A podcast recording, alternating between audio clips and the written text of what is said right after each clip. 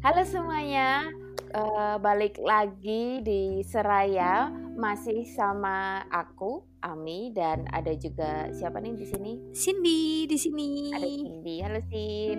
Terus uh, hari ini Hai hai. Uh, kita agak spesial ya ini uh, apa rekamannya karena situasi dan kondisi yang membuat kita harus berjauhan. Tapi ya, betul. tetap harus uh, produktif. Terus kita membahas apa sih ini di episode yang kedua ini? Hari ini hari ini walaupun berjauhan kita mau membahas tentang sesuatu yang berkaitan dengan titik-titik di kawasan Cagar Budaya. mau berbisnis, berbisnis. berbisnis. Okay. Berbisnis di kawasan Cagar Budaya ya. Jadi uh, seperti yang pernah kita bicarakan di waktu itu introduction ya Sin. Kita kan mau yeah. bahwa cagar budaya itu nggak melulu cuma soal arsitektur nggak cuma soal apa misalnya kayak konservasi gitu tapi juga banyak aspeknya. Nah ini salah satu yang mau kita ajak ngobrol hari ini itu adalah seseorang yang punya pengalaman mengelola usaha di kawasan cagar budaya Hai Jessie. Iya, Halo. Langsung dipanggil aja. muncul. Langsung dipanggil. Soalnya Jessie juga jauh, jadi nggak bisa dikode. Harus langsung Iya dipanggil. betul. Iya betul. Bayangkan dulu deh. Membayangkan dulu. Oke. Jadi Jessie ini uh, adalah seorang. Kamu apa sih Jessie sebenarnya? Kapiten. Ya? Aku seorang kapiten. uh, kalau sekarang ini kerja di Teko Deko mengelola kafe rumah kopi gitu di Kota Lama. Terus juga punya usaha lain uh, namanya Setitik itu usaha desain motif gitu. Jadi kesibukannya setiap hari dua itu ya? Ngantor sama batik seringnya. Oke, buat yang uh, tadi udah disebut belum ya namanya? Setitik kalau tadi ada yang belum Eh, yang belum disebut tuh malah nama yang pembicara kita Iya, kan? namanya Nama panjangnya siapa nih? Oke. Nama panjangnya siapa Oh, nih, oke. Jess? Nam Namaku Jessy Setiawati. Aku tinggalnya di Ungaran, tapi kerjanya di Kota Lama. Jadi agak PP gitu tiap hari. Jauh ya? 20 Mantap. 5 kiloan lah ya. Wow. Dan itu tiap hari kamu ke Kota Lama? Liburnya sehari. Kalau sekarang ini ya libur memang sih. Maksudnya bayangkan libur kalau sekarang ini. Oke, oke. Jadi sejak awal banget Teko Deko buka itu kamu udah di Teko Deko Jess? Uh, ya, jadi Teko Deko itu kan bukanya di tahun 2015. Nah, aku sama teman-teman itu udah tergabung dari tahun 2014. Jadi ikut Nata Bata. Nata oh, Bata. Oh, wow. Sejak, apa namanya? Sejak Teko Deko belum jadi Teko Deko seperti sekarang ini kamu udah tahu? Um, dulunya apa sih Jess? Teko bangunan tuh? bangunan tuanya ini tuh dulu dijadiin pabrik kusen. Tapi tuh tahun 1930-an sih. Kalau uh, lihat-lihat dari sejarah yang lama-lama nggak ada sejarah tertulis sebetulnya tapi prediksi-prediksi kayak dari para arsitek arkeolog itu dia bilang kemungkinan bangunan Teko Deko itu berdirinya tahun sekitar 1880-an dan jadi rumah pribadi katanya gitu.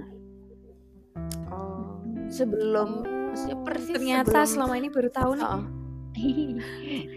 persis sebelum Teko Deko berdiri itu kondisinya tapi masih ditempati atau hmm. udah kosong? Hmm. Kalau waktu aku masuk tahun 2014 itu sudah kosong. Jadi udah kepemilikan pemilik bangunan yang sekarang ini. Tapi sebelumnya itu masih jadi rumah pribadi. Cuman memang kalau kita lewat kota lama itu nggak kelihatan kalau di dalamnya tuh ada orang gitu karena semua yang sekarang ini jadi kaca di Teko Deko yang terbuka itu itu dulu tuh rolling door kalau nggak bener-bener triplek tertutup gitu jadi kayak oh ini bangunan mangkrak nggak ada orangnya padahal itu ada orangnya di dalamnya gitu Iya iya iya Ngeri juga ya. Kura-kura dalam Iya. perahu eh, dalam perahu lagi, kura-kura dalam tempurung. Iya, tapi emang hampir semua bangunan di kota lama kan kondisinya kayak gitu ya, konon katanya. Iya, kayaknya sih gitu ya. Mungkin ada ketakutan-ketakutan orang atau pemilik bangunan itu untuk keluar kayak waktu masa-masa apa sih Tahun kerusuhan berapa? gitu Tahun kan. berapa? Oh. Ada 80, 98 itu kan kayak mengakibatkan mereka Hmm. tutup-tutup gitu. Oke, oke. Nah berarti waktu itu direnovasi eh, Orang-orang yang tinggal di dalam itu juga Sudah mereka sudah pindah. Oh sudah Jadi waktu pindah. ini direvitalisasi udah kosong, posisinya udah pindah ke pemilik yang baru. Hmm. Kalau boleh tahu berarti dulu Jessi ini gabung waktu itu datang ke Teko Deko pertama kalinya tahun berapa sih? Berarti 2014. Oh, Jadi kalau 2014 mau ya. Kenapa tiba-tiba ada di kota lama gitu ya? Itu Oh iya ya, boleh bermulanya ceritain sebenarnya dari tahun 2012 karena ngangkat skripsinya itu eh, skripsinya tentang kota lama. Terus habis Oh. itu di tahun 2012 juga pertama kalinya ada festival kota lama kan. Nah, di acara festival kota lama itu bantuin di bagian desain, eh keterusan tuh tiap tahun bikin event. Nah, dari situ ketemu banyak banget relasi pemerhati kota lama. Dan salah satunya itu Pak Kris Wandono. Beliau arsitek, arkeolog juga, terus juga pada saat itu sih menjabat sebagai BPK 2L. Jadi em, ngelola kota lama juga kan. Terus beberapa kegiatan tuh aku diajakin terlibat, tergabung kayak misalnya pameran. Pameran sama Mbak Ami juga. Terus event-event lain gitu. Terus eh, akhirnya jadi banyak berkarya di kota lama sampai akhirnya ditemuin sama pemiliknya gedung Teko Deko itu. Terus akhirnya ya baru bergabung di tahun 2014 itu fokus di Teko Dekonya. Gitu. Wih, Keren banget. Panjang ya. Panjang, panjang, panjang. Jadi awal mulanya dolan-dolan gitu loh bikin event. Terus jadi keterusan Iya, bikin iya, iya. bisnis. Nah, ada kesempatan Hmm. cantik. Terus ketika awal-awal mulai revitalisasi itu eh, kendala yang Mm-mm. paling dirasain sama teman-teman apa Jess? Ketika kan itu kan bangunannya kan benar-benar udah belum belum bisa dipakai kan dulu ya dalam kondisi Heeh, bangunan. heeh, benar. Sebetulnya kalau untuk revitalisasi itu kan ada bagiannya sendiri. Jadi ada arsiteknya, kemudian ada kontraktornya khusus juga yang ngelola si revitalisasi. Cuman kalau akunya sendiri sih lebih kayak memasukkan bagaimana bangunan ini tuh nanti bisa ngobrol dan diterima sama customer kita Teko Deko gitu. Jadi kalau untuk proses revitalisasinya ada sih cerita yang cukup unik dan menarik menurutku. Jadi kayak menemukan penemuan-penemuan baru kayak misalnya bangunan ini tuh dulu catnya warnanya apa sih gitu. Terus em, apa tuh ngikis-ngikis pintu sampai ketemu warna yang terdalam tuh hijau tua. Terus akhirnya kita merubah cat-cat yang ada di bangunan ini yang kayak pintu kusen itu warnanya jadi hijau tua. Jadi kayak dikembaliin ke yang semula gitu. Oke. Keren ya kayak detektif gitu. Ya, Iya, iya, betul, betul, betul. benar-benar. Aku juga suka kagum sama maksudnya konservator-konservator yang kerjanya memang benar-benar kayak detektif gitu. Jadi mereka penelitian. Itu yang melakukan siapa Jess penelitiannya? Kalau waktu itu ada Pak Kris Wandono. Jadi Pak Pak Kris, Wandono, heeh. arsitek gitu ya. iya R team.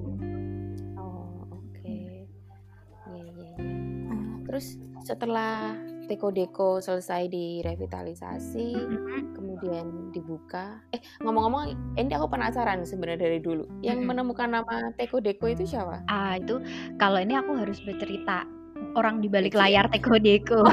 ada Sebelumnya, sebelumnya. ada ada tiga pendekar soalnya. Jadi ada aku Jessie, terus Oh, ada Kriski sama. Roni. Nah, Oh, eh, kalau sekarang ini sih posisinya Kriski di bagian food beverage manager, Roni itu di creative marketing manager, Terus aku di general manager dan lain-lain pembantu umum. Nah, nah terus Oh, kalau iya jadi ada tiga. Nah nama Teko Deko itu sendiri itu ditemuinnya sama Roni yang bikin nama Teko Deko. luar biasa.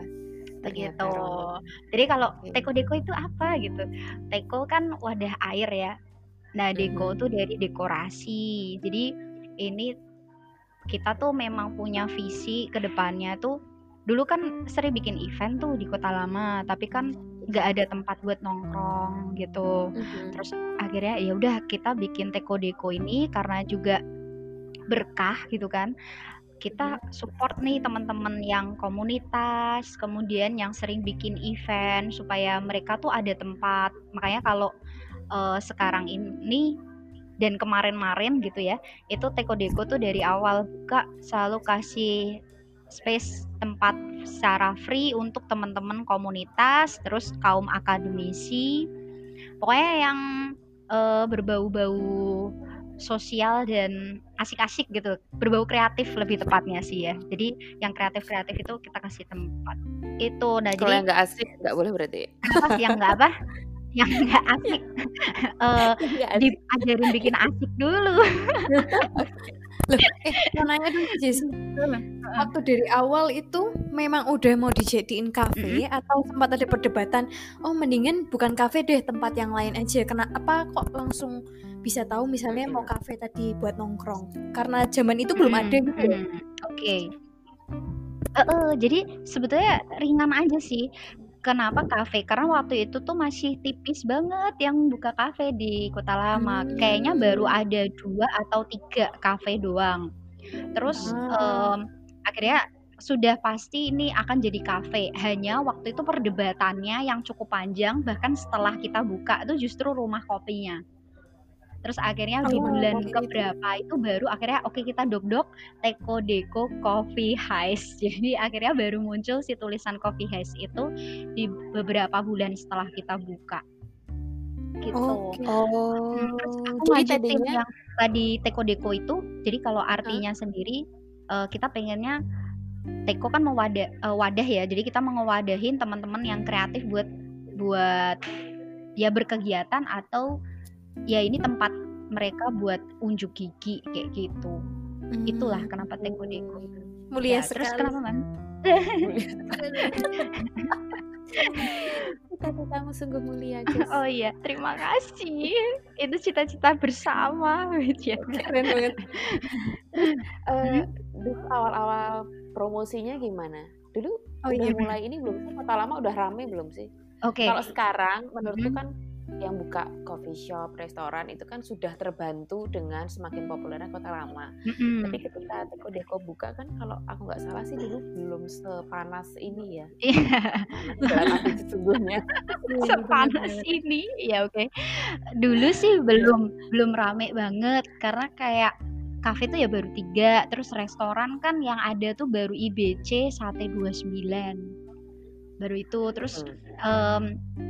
Belum secantik sekarang ini juga. Jadi masih creepy juga sih kalau malam karena waktu itu aku trial trial kan sama barista yang baru terus sama chef yang baru juga itu kita kalau udah jam 8 tuh udah yang aduh udah nggak ada angkot. Masih ngerasain yang kayak gitu. Cuman mungkin jauh lebih aman. Hmm. terus em, tadi ke pertanyaannya berkaitan sama promosi ya kalau Mm-mm. dari promosi sih sejauh ini tuh Teko Deko udah hampir lima tahun ini murni hanya Instagram ya Yes. itu terus eh, cuman Iya. ya sebetulnya itu salah satu strategi juga ya tapi eh, tujuan yang mulia tadi itu secara nggak langsung jadi kayak mode to mode jadi kayak dari komunitas satu ngomong ke Oh. komunitas dua komunitas Mm-mm. dua ngomong ke empat kayak gitu jadi kayak akhirnya kayak ketarik sendiri dan karena waktu itu memang tujuan utamanya buka Teko Deko selain ngewadahin orang-orang kreatif juga untuk mempromosikan si kota lama sendiri mau nggak mau karena apa ya bisa dibilang pioner atau enggak ya tapi kayak media-media itu secara nggak langsung kita nggak ngundang nih tapi mereka tiba-tiba dateng liput kayak gitu-gitu. Jadi kayak ya ah. mestakung ya. Jadi iya, iya. Um, tujuan yang baik akhirnya kayak ditangkap sama orang luar juga terus akhirnya malah jadi terpromosikan secara gratis gitu. Wih keren banget. Gitu. berarti murni Instagram aja ya? Dan terus ya murni Instagram. outnya itu yang jalan banyak banget ya sih itu. Terus event-event juga sih. Kan ada beberapa event-event juga yang diadain sama Deko Deko namanya The Coffee Class sama The Coffee Talk. Jadi oh. buat kan misinya kan orang kreatif. Jadi bikin event-eventnya yeah. ya kurang lebih buat mewadain si orang kreatif ini. Kalau The Coffee Talk itu kita lihat misalnya kayak oh ini ada bibit di Semarang nih bibit kreatif yang kayaknya bakalan baik untuk dikenalin. Terus kita undang mereka sharing. Itu kalau di coffee talk kalau yang di coffee hmm. class itu berarti orang kreatifnya yang dia bikin sesuatu yang bisa diajarin ditularin ilmunya ke uh, orang-orang luar gitu nah itu the coffee oh. class jadi kayak workshop gitu oh tapi ini nggak harus tentang coffee ya enggak jadi the coffee itu hanya namanya karena oh, itu namanya di Kodeko. Tapi justru kalau materi tentang kopi itu nggak terlalu sering. Si kopi oh, itu nggak terlalu sering. Kami Lebih pernah ikut malah yang kayak craft craft iya. gitu loh. Oh malah ya, Bali waktu itu ikut apa ya? Ikut apa nih? Aku ikut yang apa makram sama. Oh makram, makram itu juga kita kerjasama. Jadi kalau memang udah ngomong kreativitas itu, yeah. apalagi di era zaman sekarang ya, itu isinya kolaborasi semua. Nah yang iya, Mbak Ami ikutin makram itu, itu kita kolaborasi sama workshop Semarang. Itu dan oh, itu iya. memang um, juga.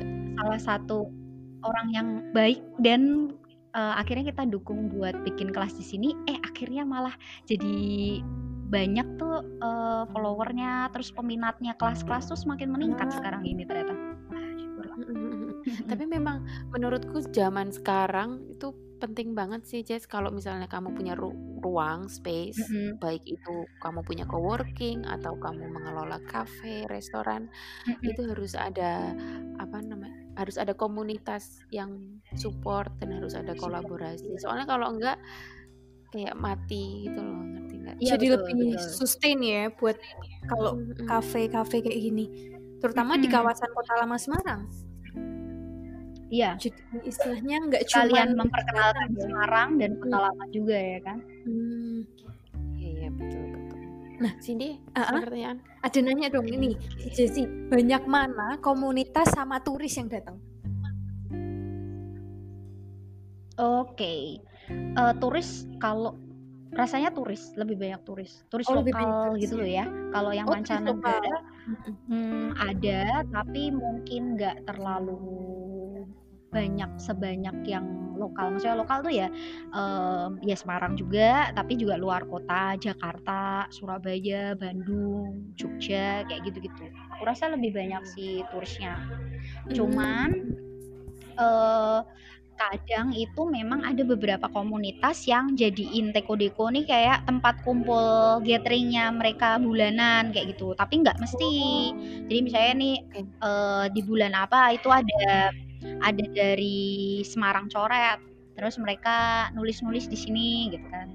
Terus misalnya nanti ada komunitas apa lagi uh, sepeda kumpul di sini kayak gitu gitu jadi nggak nggak tentu nggak selalu di sini. Dan kita juga nggak maksa maksudnya kalau ada komunitas isinya kerjasama dia butuh space kita menyediakan tapi nggak maksa. Yang harus uh, ayo ini bulan ini teko deko kosong nih jadi kamu bisa ngisi nggak gitu. Oh iya, iya, iya. jadi kita juga ngikutin acara-acara. Iya. Iya iya nggak nggak nggak malah pressure. Berarti ini kalau 2014 itu bulan apa berdirinya?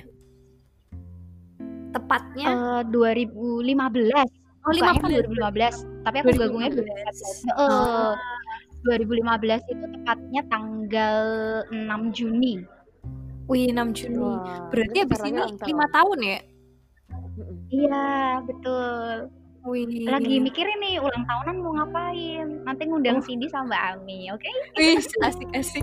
Kita main di sana pasti sih. Oh iya. Mau nanya nih Jessi kan mengalami transformasi berarti dari kota lamanya yang sepi sampai rame.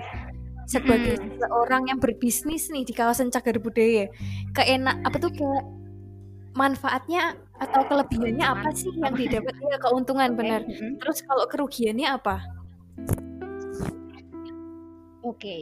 ya kalau kelebihannya yang pertama seiring berjalannya waktu kan meningkat. Jadi kayak kita nggak uh, ngoyo untuk promosi kayak misalnya ngeluarin apa sih promosi kan bisa beraneka macam ya mulai dari kayak yang Instagram atau katakan yeah. dari event-event atau mungkin dari diskon-diskon kayak gitu kita nggak perlu ngoyo-ngoyo karena si pengunjung itu mau nggak mau pada dolan ke kota lama ah. jadi itu plusnya secara nggak langsung ikut terpromosikan juga gitu terus kalau um, kekurangannya berarti nggak enaknya ya nggak enaknya waktu di awal tuh ya menyepi gitu uh, awal tuh nggak terlalu besar gitu pendapatannya tapi lebih ke bertahan sama cari strategi untuk memperkenalkan secara halus gitu.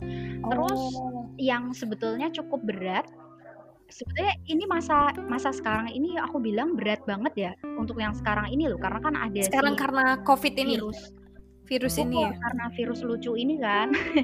Terus uh, jadi semuanya benar-benar dirumahkan nggak ada customer benar-benar yang kosong kayak gitu. Cuman sebelum masa ini kita sempat ngalamin itu di tahun berarti berapa ya? 2018 18 oh, 19 jadi uh, untuk kota lama jadi cantik ini kan pasti ada prosesnya. Nah, uh. si jalan-jalan itu diperbaikin uh, itu cukup lama banget dan aksesnya untuk ke kota lama kan susah. Bahkan kayak tim kita aja dari Teko Deko mau masuk ke Teko Deko tuh juga susah. Jadi apalagi si customer yang di luar kalau mereka memang nggak kepingin banget untuk ke kota lama dan mereka nggak dari luar kota yang nggak tahu bahwa kota lama tuh sedang diperbaikin itu uh, kemungkinan datang ke Teko Dekonya tuh amat sangat susah gitu jadi hmm, jadi eh, ngefeknya uh, di situ ya turun banget uh, oh omsetnya turun banget gitu terus apalagi ya sejauh ini ya yang ngerasa berat-beratnya sih di situ sih gimana Jess? Oke, okay. itu ada banyak dilema siasatnya oh. ini kan yang oh. waktu proyek jalan ya itu oh. kita yang pertama kan harus karena memang udah tahu wah ini omset gak bisa gak bisa ting meninggi. Terus kalau kita bikin event orang-orangnya mau ke sini juga kasihan karena kesusahan gitu. Kita sampai bikin peta tuh mungkin setiap seminggu sekali bikin peta. Oh. cara ke teko gara-gara gara-gara gara-gara ditutup ini. Eh tiba-tiba iya, iya, ini iya. belum dibuka udah ditutup yang lain gitu. kan memang iya. Ada banyak versi peta gitu. Terus uh, uh, ini apa uh, sampai yang terberat itu sebetulnya adalah mengurangin tim. Itu sungguh berat hmm. untuk sebuah usaha ya. Jadi ya, karena kan kita punya hati uh, kita pengen mereka tuh ya berusaha hidup dari sini gitu tapi ternyata kami harus um, harus jujur gitu. Ya intinya jujur aja sih sama keadaan yang sekarang seperti apa. Karena ketika memang apa ya mungkin uh, percakapan yang keseharian, kemudian cara untuk mengorganisasi sebuah usaha gitu, itu akan dilihat sama tim kita dan ternyata mereka-mereka ini justru lebih memahami. Aku ngerasanya gitu. Jadi tanpa aku bersusah-susah payah untuk um, bilang bahwa jadi nggak ada yang ngeyel nggak ada yang ngeyel ketika aku sampaikan bahwa kenyataannya seperti ini harus akhirnya shift harus dipangkas bla bla bla bla orang harus semakin dipangkas gitu. Ya mereka bisa mereka langsung kayak struggle. Akhir belum memutuskan untuk kamu off ya itu belum sampai ngomong gitu. Mereka sudah kak aku udah dapat pekerjaan. Wah syukurlah. Jadi kayak oke okay, um, ada kayak jalan sendiri gitu terbuka dengan sendirinya ketika posisi berat banget itu gitu. Yeah. keren keren. Gitu sih kurang lebih cuman selebihnya karena memang udah tahu oke okay, ini akan membaik berarti sempat waktu itu ada karena kan itu usia kita sebetulnya masih belum terlalu cukup untuk apa ya eh labanya itu belum cukup untuk menanggung sekian kan prosesnya kan satu setengah tahun gitu satu setengah yeah. tahun itu cukup panjang gitu jadi uh, yeah. ya ini apa bener apa ya ya satu ke tim memang harus jujur harus struggle. Jadi benar-benar bertahan intinya udah ini bertahan aja sampai ini selesai bertahan gitu. Jadi setelah itu benar di bulan Juni 2019 itu kan dibuka benar akhirnya akses udah bisa dilaluin udah lancar pembangunan cuma tinggal sedikit-sedikit dan itu masa lebaran. Jadi kayak langsung membludak sembludak-bludaknya waktu itu. Wah. Gitu. Jadi kayak akhirnya talinya tuh dilepas gitu nafasnya langsung lega itu. Cuman mau memang nanya udah ngomong ke area wisata ada lagi lain-lainnya juga. Kayak misalnya kan ada program-program pemerintah dan kita menyesuaikan. Jadi lebih ke tantangannya tuh ada sebetulnya setiap setiap saat tuh pasti yeah. ada. Kalau usaha mesti ada tinggal kita nyesuaiinnya gimana. Itu ah, iya, iya. nah tadi pertanyaanku sebenarnya mau terkait tantangan ini Jess yang mm dari dalam tim kalian sendiri atau oh, pengelolaan okay. itu yeah. misalnya kalau misalnya kita ngelola kafe di bangunan yang baru gitu kan mungkin maintenance-nya kan ya simple lah ya paling betul, dibersihkan tapi karena ini jaga budaya apakah butuh kamu harus benar-benar ngasih tahu karyawanmu ini benar-benar harus yeah, kalian yeah. jaga atau uh, bahkan pengunjung ya kita kan nggak tahu pengunjung tuh ngapain aja yeah. gitu. Iya betul. Oh itu menarik sih kalau untuk aku ceritain. Jadi untuk di dalamnya sendiri mengingat ini cagar budaya ada beberapa strategi-strategi uh, tertentu untuk menjaga si kalau aku bilang tuh aku nyebut ini ke anak-anak kamu harus jaga nenekmu. Jadi bangunan ini tuh kayak kita ngerawat nenek sebetulnya jadi hmm. uh, pertama waktu pendesainan awal kalau usaha baru kan maka fungsi uh, desain mengikuti fungsi gitu kan. Nah kalau yeah. yang itu di bangunan cagar budaya fungsinya tuh ngikutin desainnya kayak apa kayak kita nggak bisa ngomong dapur harus di sini ya nggak bisa orang dapurnya tuh uh, kamarnya tuh adanya di sini ya berarti dapurnya di sini kayak gitu. Oh jadi menyesuaikan bangunannya. Uh, menyesuaikan bangunannya. terus uh, kedua ketika kita kayak apa maku atau apa kayak gitu-gitu tuh nggak sembarangan juga kan. Jadi itu itu hal yang cukup neritik ketika kerjasama dengan komunitas. Komunitas kan kreatif banget, mereka orang-orangnya tuh kayak punya ide-ide liar dan sebenarnya hmm. kalau dia di bangunan lain tuh mungkin itu sangat mudah, tapi kalau di tempat kita mereka harus berupaya sendiri kayak oh akhirnya mereka bawa panel atau pakai cara apa ditempelin ada rafia dulu baru si foto-foto dipasang di situ kayak gitu. Jadi nggak nggak yang nempel tembok. Terus selain itu juga uh, tim kita udah kita ini sih ceritain soal bangunan keseluruhan mulai dari sejarah sampai ke ketika ada tamu kayak gini. Misalnya denger nih dari bawah tuh denger ada anak-anak lari dada gitu lari-lari gitu ya. Oh iya iya. Terus ada yang naik karena kan nggak boleh untuk lari-lari gitu. Terus ada waktu itu customer lucu jadi kayak kan baca tuh pengumuman um, dilarang dilarang uh, menapak secara keras keras atau berlari gitu kan. Ada tulisannya kayak gitu. Terus yeah, dia bilang oh eh kak terus ini kami harus gimana? Melayang gitu. Jadi maksudnya dia dia, boleh, dia bilang tuh dia pikir tuh nggak boleh. Pada boleh jalan di situ tapi pokoknya harus hati-hati gitu. Terus sama uh, ada maksimalnya. Kalau kalau mungkin eh, usaha-usaha di tempat lain selain bangun cagar budaya kan mereka udah pokoknya uh, customer bisa masuk karena omsetnya meningkat gitu. Kalau di tempat kita ada batasnya kayak di oh, lantai dua kan lantainya kayu, heeh, lantainya kayu, usianya tua banget. Terus um, maksimalnya tuh kalau yang tengah ada 40 orang, balkon tuh sekitar 10 sampai 15 orang. Jadi ada batas-batasnya. Ah. Kalau yang outdoor itu kan baru jadi itu mau 100 150 tuh masih oke okay.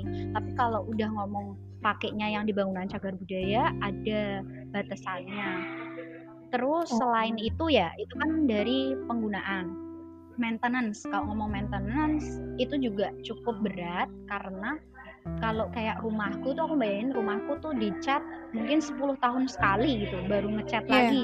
Nah, kalau di bangunan cagar budaya khususnya di Kota Lama karena tetangga-tetangga juga mengalami hal yang sama sih. Itu kurang lebih tuh paling enggak tiga bulan sekali udah dicat. Kalau mau tampilannya cantik Oh, tiga bulan sekali. Uh, tiga bulan sekali karena bener-bener air uh, airnya yang di bawah itu kayak tinggi banget gitu loh. Jadi kayak akhirnya mudah berjamur kayak gitu. Oke. Oke, oke. Iya. Dan tan borosnya tanahnya itu maintenance. Oh. I see. Ada penurunan muka tanah juga gitu nggak sih, Jess? Maksudnya mengalami. Hmm, kalau kalau aku nggak ngerasain ya mbak, tapi mungkin karena semuanya turun ya jadi nggak ngerasain apa ya. Semarang semuanya turun. Iya kan? Iya turun satu turun semua kan jadi nggak tahu batasannya sebenarnya ya. Tapi kalau banjir kalau banjir udah enggak ya? Banjir enggak tapi kemarin waktu proyek sempat banjir. Itu sampai oh. selutut lebih tinggi. Tapi itu karena proses karena lagi diperbaikin aja. Tapi selebihnya ah, enggak kalau dulu waktu awal-awal Teko Depok juga sempat tapi itu karena di bulan Februari, Februari atau Maret gitu. Itu memang waktu curah hujan tinggi banget dan saat itu yang ada ini berita tawang tawang juga apa tinggi banget airnya di dalam itu sampai yeah. nutupin kursi-kursinya kursi tunggu di stasiun Tawang kayak gitu. Jadi memang semuanya rata banjir. Oh. Ci Jesi, Ci Jesi, untuk bisa mensiasati istilahnya tiap tahun kan pasti ada hmm. hal-hal yang harus dibenahi nih. Istilahnya walaupun kawasan cagar budaya tapi malah hmm. maintenance-nya lebih ngeritik ya kalau bisa bilang lebih detail ya lebihan. Hmm. Nah, kira-kira masih ada ya. nggak ya. hal-hal yang bisa dikembangkan ya? Yang dari oh, kembangan okay. dari kalau tadi ngomong oke, okay. eh tapi dari segi maintenance ya atau apa ya? Dari segi maintenance boleh kemudian mungkin dari segi uh, mungkin usaha atau apa pun terkait dengan teko-dekonya sendiri di kawasan oke okay. kalau satu satu dari maintenance-nya sendiri sebetulnya kita karena udah kayak belajar dari tahun ke tahun ya oh kendalanya kayak yeah. gini gini gini gini akhirnya kita cari strategi yang memang oke okay, um, ngirit tapi memang harus beli mahal dulu di awal. Kayak misalnya chat nih. Oh, akhirnya okay. kita nemuin chat yang memang uh, apa tuh namanya? Berarti ramah ramah cagar budaya. Jadi memang itu chat untuk cagar budaya. Karena udah okay. um, lapisannya itu udah kayak diolah gitu loh. Jadi memang khusus untuk bangunan cagar budaya. Memang ah, mahal okay, di awal tapi setidaknya dia bisa ngirit, ngirit kayak misalnya setahun tuh mungkin ngechatnya cuman sekali atau dua kali gitu lumayan kan iya, iya. terus iya. Uh, selain itu kalau untuk usahanya sendiri di Teko Deko memang setiap usaha sih aku nggak nggak bisa bilang bahwa ini hanya di cagar budaya tapi pasti setiap usaha itu ada tantangannya masing-masing kayak sekarang inilah nggak usah jauh-jauh ada covid otomatis kan selalu ada harus mikir mikir ulang yeah. strategi yang terbaik seperti apa. Yang pertama untuk mengurangin kos, terus yang kedua untuk meningkatkan si penjualannya supaya tetap bisa dinikmatin sama customer. Jadi paling nggak tetap ada penghasilan gitulah. Dan yeah, yeah. paling nggak penghasilannya itu bisa nutup untuk operasional bulanan. Jadi ada fixed cost, ada variable cost kan, tapi yang bulanan hmm. gitu. Hmm, wah, gitu. Jadi sini yang ngerti. Ngirit, aku langsung blank. Jadi ngirit, ngirit yang yeah, yeah. apa ya?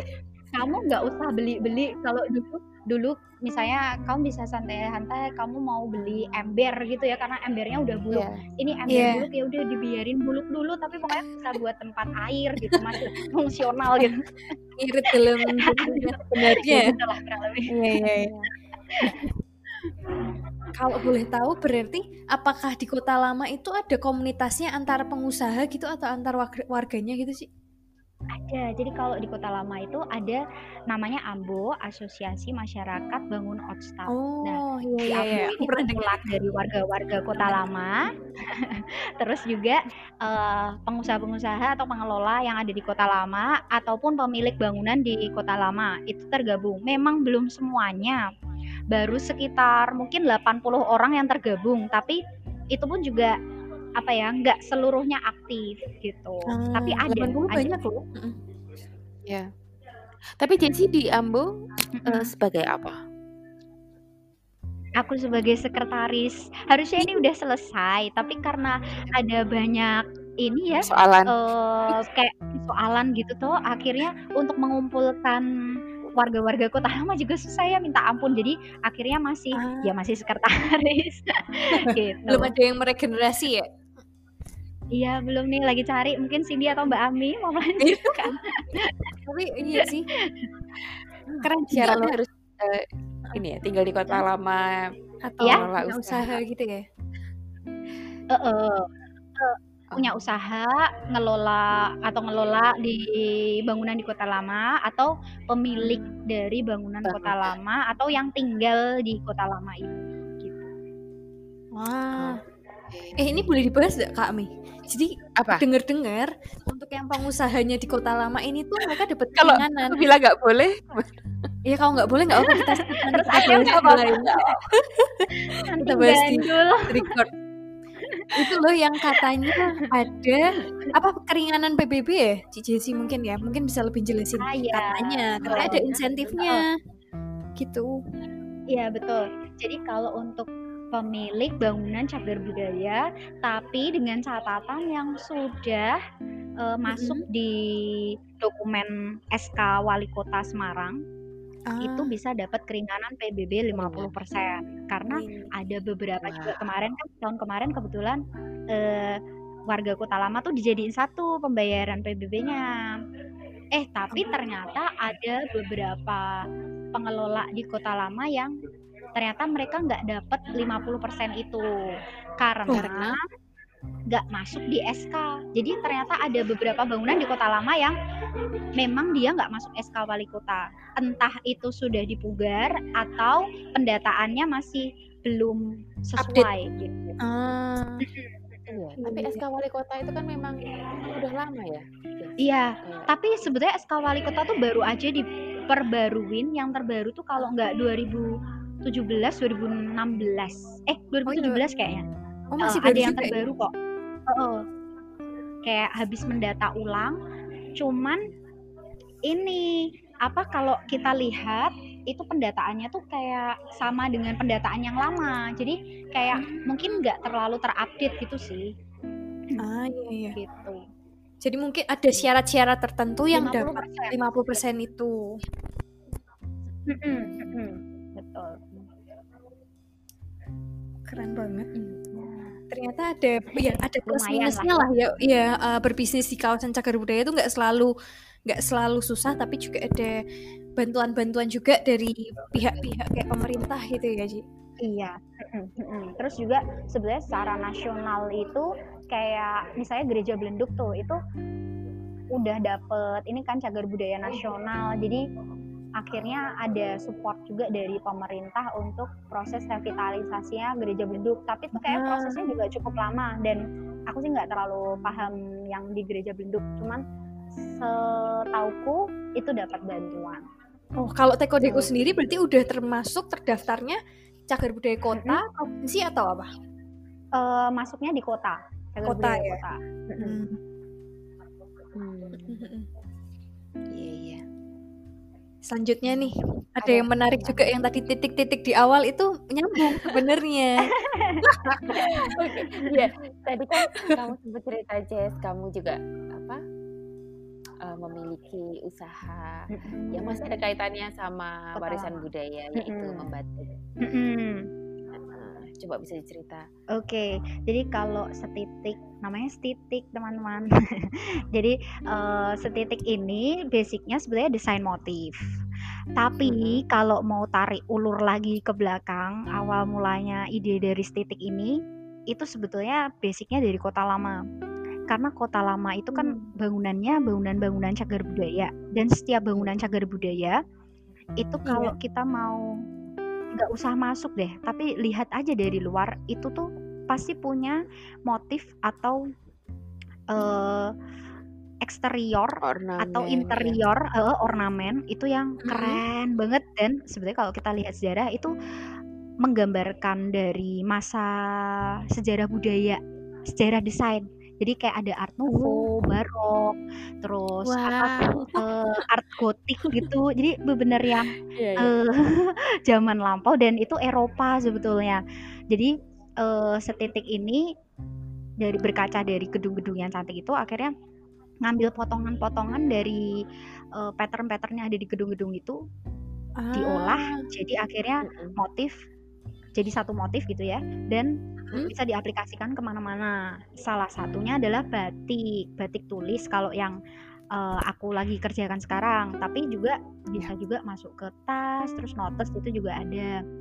Ya tujuannya dari titik sebenarnya lebih ke ngembangin atau memperkenalkan kota lama ataupun sebenarnya harapannya selain ini kan proyek pertama kota lama. Harapan mm panjangnya itu bisa keliling ke tempat-tempat yang memang cagar budaya berpotensi gitu untuk bisa membantu publikasi mereka gitu. Jadi nggak menutup kemungkinan nanti oh. akan pindah selain kota lama. Gitu. Wih keren banget. Ya di Semarang juga ya. Ya ya Semarang. Semoga nanti kalau bisa lanjut ya keluar kota nggak apa-apa. Itu buat sendiri. Sebenarnya satu kayak jalan-jalan. ya? Iya. Nggak cuma jadi nanti nggak cuma di batik uh -uh. kan ya? Oh nggak cuma di batik keren keren. iya betul betul. Terus nggak uh, cuma di batik dan kalau batiknya sih sejauh ini batik tulis masih aku pegang sendiri jadi bikin sendiri Wih. cuman uh, jadi gini dulu kan sebelum ngelola motifnya apa itu kan yeah. dulu aku pernah berlatih untuk batik. Nah, di situ tuh aku kayak memahami bahwa oh, ternyata pembatik Indonesia yang sebetulnya ini warisan budaya nasional bahkan udah internasional gitu ya khasnya Indonesia, tapi ternyata pembatik tulisnya itu masih uh, bisa dibilang kayak berkekurangan gitu. Jadi ada secara ekonomi yang, gitu ya uh, uh, secara ekonomi bener jadi kayak mereka kurang mendapatkan penghargaan secara lebih gitu. Mm-hmm. Bahkan ada tuh yang kayak batik satu kain gitu dihargain tuh sekitar satu kain dua puluh ribu jadi padahal batiknya tuh kan uh, ya memang dia batiknya cepet ya tapi yeah, iya. otomatis yeah. kan ngefeknya ke,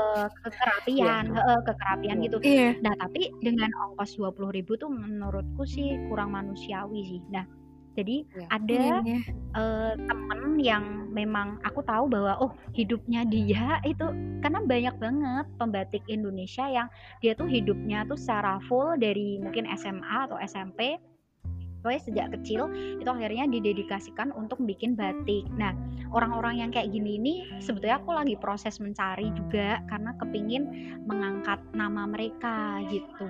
Ah. Jadi kayak misalnya, oh ini motifnya pakai motifnya stitik, tapi dikerjain sama pembatik ini. Karena kalau beli oh, iya, iya. beli produknya stitik terutama batik tulis itu sudah ada kayak datanya berapa lama pembatiknya siapa yang ngewarna siapa desainnya siapa gitu. Jadi aku pengen ngomongin bahwa ini untuk membuat produk ini tuh prosesnya panjang dan eh, nggak uh, mudah. Dan kamu butuh mengapresiasi para pembatik yang luar biasa itu gitu. Iya iya iya.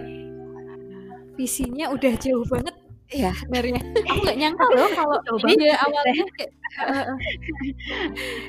jadi mungkin yang bisa aku simpulin dari Jessie ini uh, baik karyanya dia di setitik maupun di deko-deko itu semuanya itu sebenarnya tidak hanya melestarikan warisan budaya tapi juga mau memberdayakan entah itu perajin atau komunitas betul warisan budaya itu. Keren banget ya karena sebetulnya sebetulnya kalau aku boleh ngomong waktu itu aku sempat bingung karena kan uh, awal aku tuh tipikal orang yang cukup sosialis gitu. Jadi seneng kalau kayak bantuin orang-orang gitu kan. Terus sampai yeah. akhirnya tuh dekemnya tuh di kota lama gitu. Yang ketemunya bangunan-bangunan gitu kan. Kayak kerasa lah terus mana orangnya? gitu kan. Tapi ternyata kalau kita mau lihat lebih dalam di setiap bangunan cagar budaya itu pasti ada banyak orang di dalamnya. Jadi di kawasan kota lama tuh juga banyak orang kan Nah, sebenarnya yeah. ketika kita mempromosikan si kota lamanya, itu sama dengan kita membantu menyejahterakan mereka, orang-orang yang di dalamnya, sekaligus mendidik mereka gitu. Jadi sejak saat itu, oke okay, berarti masih bener nih di kota lama. Jadi yeah. akhirnya ya sampai oh. sekarang uh, semangat itu yang dijaga gitu. Ah, keren banget. Keren, keren, keren. Hmm saling istilahnya saling berhubungan lah ya dari satu usaha hmm. akhirnya menjadi berkat buat usaha-usaha lain dan orang-orang sekitarnya juga. Hmm.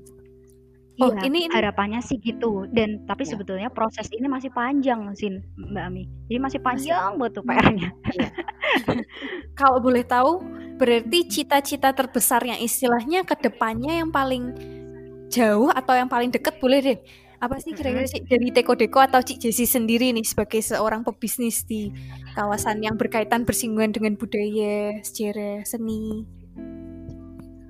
Oke, kalau Teko Dekonya sendiri sih um, sebetulnya jauh di lubuk hati yang terdalam tuh kepinginnya bahwa ya ini memang bisnis tapi ini tuh bisa jadi sekolahnya dari tim kami yang ada di sini maupun orang-orang yang ah. akhirnya terlibat di Teko Deko gitu ya. Yeah. kayak sekolah dalam artian tuh ya kita pokoknya selalu belajar lah. Belajar belajar belajar belajar. Termasuk manajemen juga. Termasuk aku kan juga di sini akhirnya belajar ada kasus gini oh ya belajar gitu. Dan itu nggak boleh ada matinya.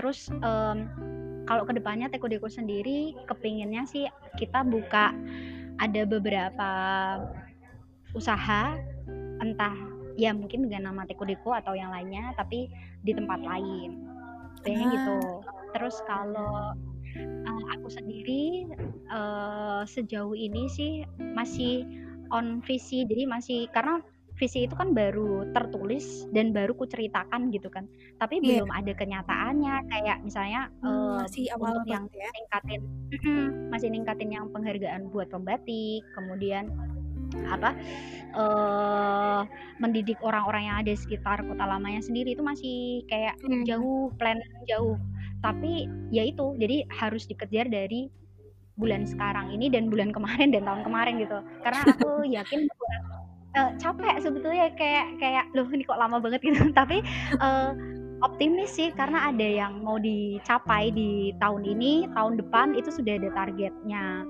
Keren gitu. Asik, jadi udah ada tujuannya jadi ya istilahnya harus semangat karena uh, uh, uh. di depan ini dikejar ya. Iya ya ini kayak PR PR harian gitu yang untuk dikumpulin misalnya di bulan apa gitu. Nabung ya. nabung bener, Siapa nabung. Emang Oke, okay. ini nggak kerasa kita iya, ngobrolnya udah, udah lama banget ya. Iya. Padahal tadi di awal aku sempat takut ini terus mau ngomongin apa ya? Ternyata banyak yang bisa ceritain, ya, banyak yang bisa ceritain. Bahkan walaupun sebenarnya aku sama Jessie itu juga sering ketemu, tapi ternyata masih banyak hal yang apa ya baru yang aku tahu soal Jessie. Iya, setuju kami sama ngobrol kita kali ini. Padahal ya sering ketemu cuman uh, ya. banyak ceritanya. Oke, ya. mungkin buat sekalian buat penutup, cie, um, mau uh, ada pesan terakhir kah dari Jessie? Mungkin ngajak teman-teman untuk mampir Teko Deko atau Oke. Okay ikut kelas-kelas di Teko Deko. Iya. eh, aku sekalian promosiin boleh lah ya. Boleh. Oke. okay. Jadi kalau aku belum cerita nih menu menu kalau di Teko Deko tadi kan lebih ke bangunan, bangunan, pengelolaan mm. gitu ya. Mm-hmm. Jadi kalau um, mampirlah sini ke Teko Deko karena memang kami punya menu andalan namanya menu kopi akulturasi Teko Deko. Kopi akulturasi Semarang. Jadi ada okay kita ambil dari budaya-budaya yang ada di Semarang, ada Belanda, Arab, Cina, sama Jawa. Nah, itu uh, benar-benar kita bikin dalam varian menu. Ada kopi gendis itu dari Jawa, terus hmm. kopi Londo itu Belanda, kopi hmm. Kota Lama, khasnya Kota Lama, kopi Cengli Cina, sama kopi Arab.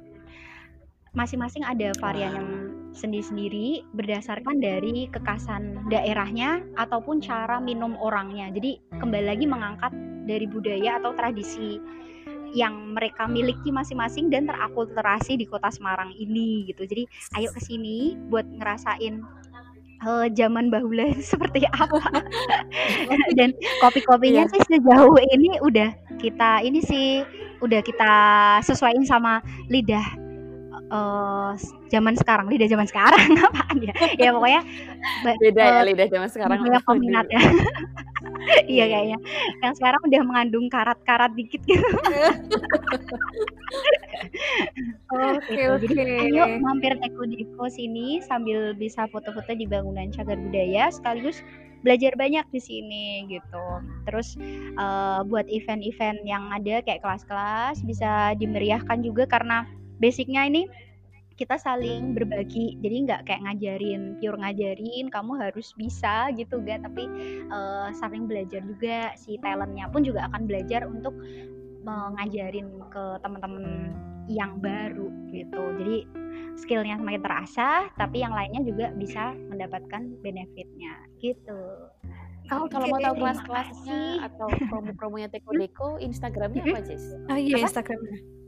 Instagramnya Teko Deko? Oh, Instagramnya ada di @tekodeko. Udah itu @tekodeko. Ya. Baiklah. Oke, keren banget sesinya. Iya. Terima kasih Luci Jessy jadi tahu banyak iya. obrolan kita ini ada manfaatnya. Iya. Pokoknya yang mau kepo-kepo nanti bisa di @tekodeko nih. Ya. Oh, kalau yang setitik ada juga ya? Oh iya, setitik juga ada ya. Oh ada. Kalau setitik Instagramnya @setitik.id. Oke, yang mau cari batik bisa cek situ ya galerinya ya.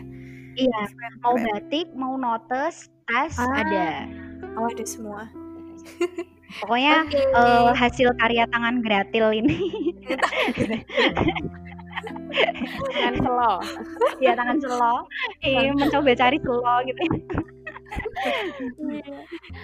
Oke, terima kasih banyak Jessie. Iya, sama-sama Mbak Ami Cindy. Iya, ya, sukses terus buat Teko Deko sama ya. Jessie. Semoga kota ah, lama semakin ya semakin baiklah setelah wabah ini ya, walaupun Amin. banyak yang di rumah aja. Semoga ya, banyak yang baik-baik. Iya, jaga kesehatan. Jaga kesehatan. Oke. Okay. Oke, okay, thank you Jessie. Ya, bye bye. Dadah. Dadah.